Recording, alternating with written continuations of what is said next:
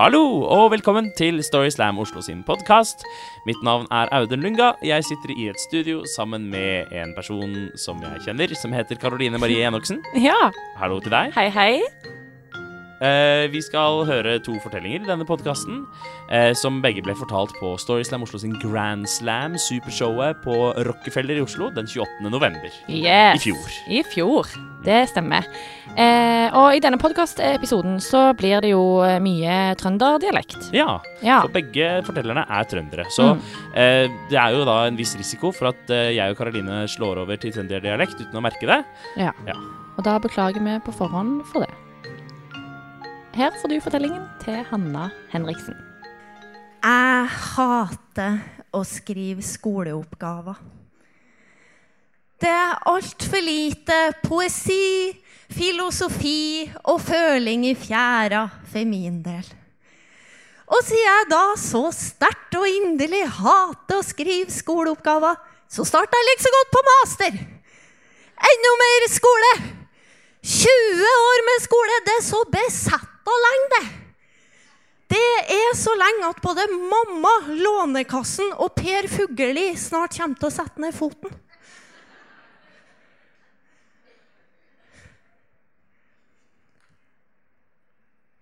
Og mens jeg da skal ta denne masteren etter 20 år med skole, så er det følelsen jeg sitter igjen med, er at nå, etter så mange år med skole, nå skal det avsløres at jeg jeg kan ikke en skitt.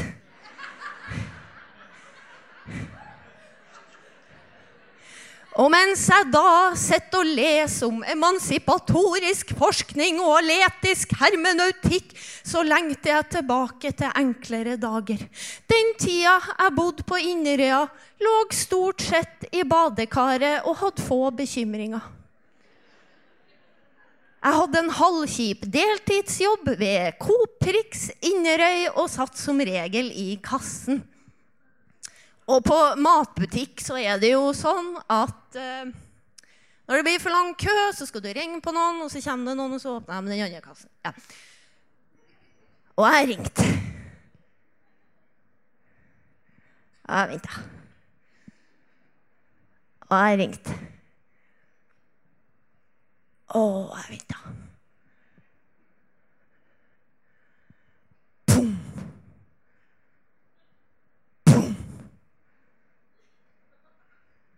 Noe tungt er på vei. De heltidsansatte damene nede på Coop Rix Inderøy, de hadde ikke noe travelt. Det eneste gangen de hadde travelt, var når det nærma seg lunsjpause, og det fortsatt ikke var noen som hadde ødelagt emballasjen på en Nonstop-pose, sånn at du kunne kjøre den på brekkasje og legge den på pauserommet. Da fikk de fart på seg, da. Men Tora Tora, hun sprang. I redsel for at stakkars Hanna måtte sitte og vente alene for lenge, så kom Tora i sprintfart. Tora var tynn som en strek, hadde en streng pannelugg og et hår som var så svart som den gangen du i en alder av 13 år endelig fikk lov av mor di å farge håret ditt i en veldig voksen chestnut brown. Og håret endte opp med å bli så kølsvart at det var nesten blått. Tora hadde egentlig jobba på det lokale postkontoret på Inderøya helt til det ble gjort om til Post i butikk. Og Tora elska jobben sin. Riktignok så hadde hun litt problemer når hun skulle lese ting, og det var veldig ofte at jeg måtte hjelpe henne å stave når hun skulle skrive. Men jeg elska Tora. Når Tora rydda hylla, så rydda jeg hylla. Når Tora hadde røykepause, så hadde jeg røykepause. Det at jeg ikke røyka, det var egentlig ikke så farlig, fordi det beste med røykepausene var å si noe som Tora syntes var artig.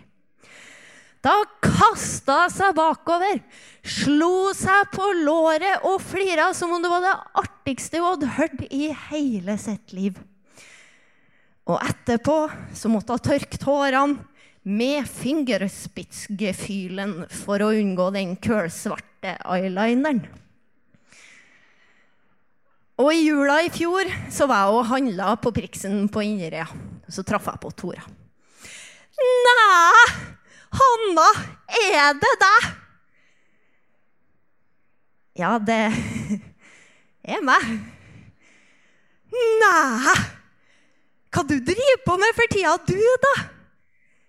Nei, jeg driver nå og surrer nede i Oslo og prøver å bli noe vettug, da.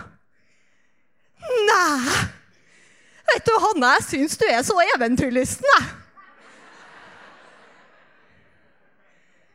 Så gikk jeg ut fra butikken litt sånn forundra over at det liksom også så eventyrlysten som bodde i Oslo.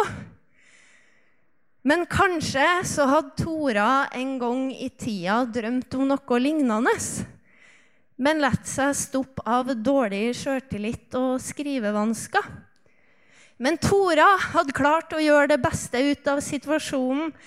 Var ei hardtarbeidende dame og ikke minst et veldig godt menneske. For 47 dager siden så døde Tora av lungekreft. Men kanskje så går det fint. Fordi jeg er sikker på at Tora sitter der oppe sammen med kompisen på loftet, ser ned på meg og tenker at alt Hanna gjør, det er bra nok. Og det skal man ikke kimse av. Det å være bra nok.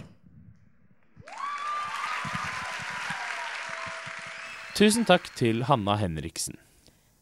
Og neste forteller hun forteller om et eh, ganske turbulent forhold eh, til et annet menneske. Noe jeg tror enkelte av oss i hvert fall kan kjenne oss litt igjen i. Jeg var seks år og hadde nettopp gått fire måneder i første klasse. Og jeg hadde ikke så mange venner. Eller jeg hadde egentlig ingen venner. ingen i det hele tatt, liksom. Fordi penejentene de hadde blitt etablert allerede i september. Det var de peneste jentene i klassen. Og så kom fotballjentene. Og så kom turnjentene. Og så hadde meg. Speiderjenta i Fretex-klær.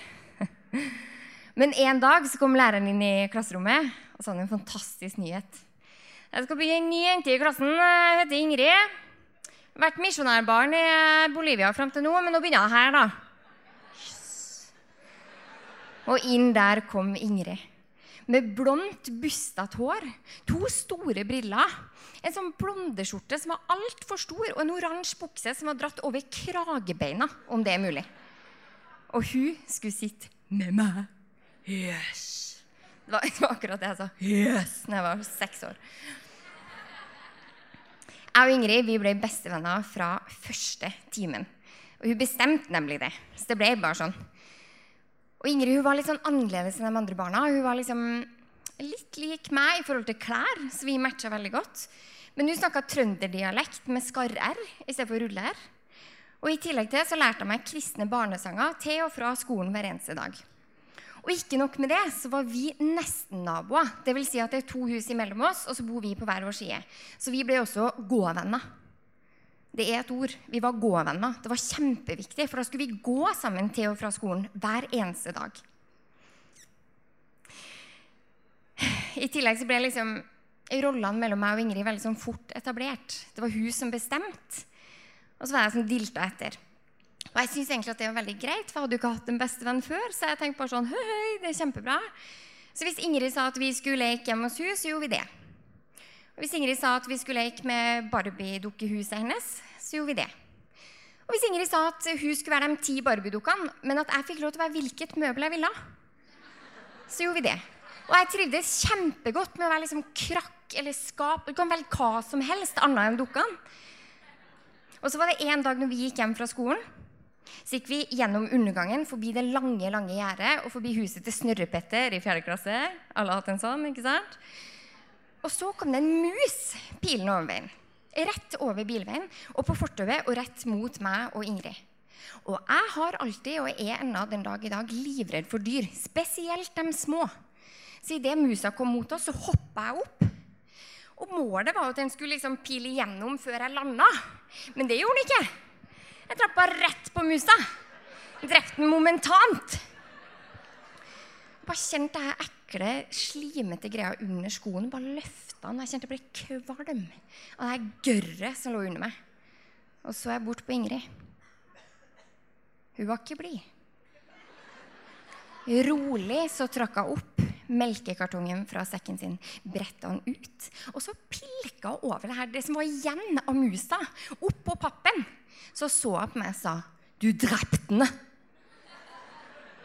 Det er første gang i mitt liv at jeg har kjent på skam. Sånn ordentlig skam. Ned i kroppen skam. Og skyldbetont så gikk jeg bak hun i to kilometer etterpå, der hun hvert tiende minutt snudde seg mot deg og minte meg på det verste drapet jeg har gjort i mitt liv. Og mitt første, ikke minst. Du drepte den! Det står i Bibelen at man ikke skal drepe. Greit, greit, greit. Når vi kom fram til huset, så klarte hun ikke engang å snakke med meg. for hun var så skuffa over meg. Så hun gikk til seg sjøl, og jeg gikk til mitt. Men dagen etterpå så møtte jeg opp kvart over åtte. Vi skulle gå sammen til skolen. Da så hun på meg med det samme blikket. Så dro hun meg over hele hagen, bort til hjørnet av hagen. Vet du hva som var der? Det var et kors. Hun hadde spikra sammen et kors, og så malte rødt. Og så lå det 'Her ligger Mus Ole død', hadde han skrevet, med svart sprittusj. Jeg visste ikke jeg at det var liksom hennes mus Ole. Jeg visste ikke at den hadde et navn engang. Jeg bare tråkka på den. Og så var det en annen gang da, da vi skulle spise middag hjemme hos hun, for vi var jo alltid hjemme hos hun. Og så var det en plante som hang liksom i kjøkkenvinduet. da. Og så var på den planta så var det noen små, litt sånn tynne paprikalignende grønnsaker. Og så tenkte jeg «Øh, sånn har jeg aldri sett før. Så jeg spurte Ingrid hva det var. da. Det der er kjempegodt. Det er kjempesøtt også. Vi spiser masse av det i Bolivia. Ja, ok. Ja, kult, da. Vil du ha, eller? Ja, ja, kjempefint. Stappa hele denne paprikalignende, smale greia i kjeften. Begynte å tygge. Og tygga litt til. Kom en brann gjennom hele kroppen min. Ut av øynene. Det, sp liksom, spretta ut med dråper overalt. Og jeg prøvde å tørke det, og så svidde øynene. Jeg trodde jeg skulle etse inn i hodet mitt. Jeg trodde jeg skulle dø. Og der sto Ingrid. Og hun lo. Som hun lo! Jeg husker ikke helt hvordan hun lo, men i hodet mitt så syns jeg husker at det var cirka sånn her Jeg hadde vikla meg inn i et vennskap som var altfor vanskelig for meg å takle. I en alder av sju år, liksom. Og ikke nok med det, så har hennes foreldre blitt venner med mine foreldre. Vi begynte å gå i kirka deres. vi. Det var ikke noe vei tilbake nå. Og En dag så var vi igjen på soverommet til Ingrid, og jeg manna meg opp og sa Ingrid, hva sa du? Ingrid, kunne jeg fått lov til å være Barbie-dukke bare én gang? Eh, nei! Men bare én gang, da. Det er jo litt urettferdig at jeg alltid må være liksom krakk eller et eller annet sånt. Vet du hva? Hvis du sier sånn til meg, så bare trenger vi å være bestevenner lenger. Jeg hater trynet ditt. Du kan bare stikke av. Jeg kjente jeg fikk nok. Så tenkte jeg ok, greit. Greit. Bestevenn er bra, men ikke så langt. Gikk ut døra, og idet jeg var på vei mot døra, sa Ingrid Men du får ikke lov til å gå ut av eh, døra hvis du skal ut. Jeg så etter andre fluktmuligheter. Du får ikke lov til å stå på gulvet heller. Jeg hoppa opp i senga. Du får ikke lov til å røre madrassen. Så sto jeg til slutt på treverket på senga og balansert, og at jeg ennå ikke har skjønt at jeg kanskje ikke var en så god bestevenn til å vare på. Og sto her og balansert. Den eneste muligheten din er å hoppe ut av vinduet. Og du får ikke lov til å røre dørkarmen engang!